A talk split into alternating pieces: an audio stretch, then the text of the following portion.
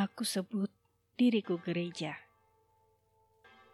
Namun nyatanya, aku terpanggil ke dalam. Keluar pun hanya untuk menutup mata dan mulut.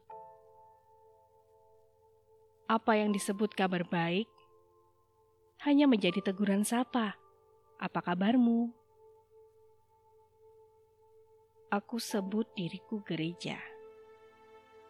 Namun nyatanya, aku sibuk membangun hal luar dan lupa yang di dalam.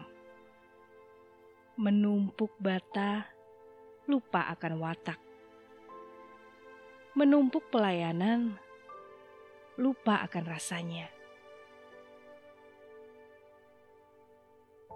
Aku sebut diriku gereja. Namun nyatanya, aku hidup dalam skenario pelihara manusia. Berakting kekurangan, namun dalam kepenuhan. Dan mencoba menjadi Tuhan yang lain, sambil menyerukan atas namanya. Aku sebut diriku tubuhnya. Namun nyatanya makmur menjadi cahaya, tidak rela menjadi miskin, dan sengsara hanya menjadi momok.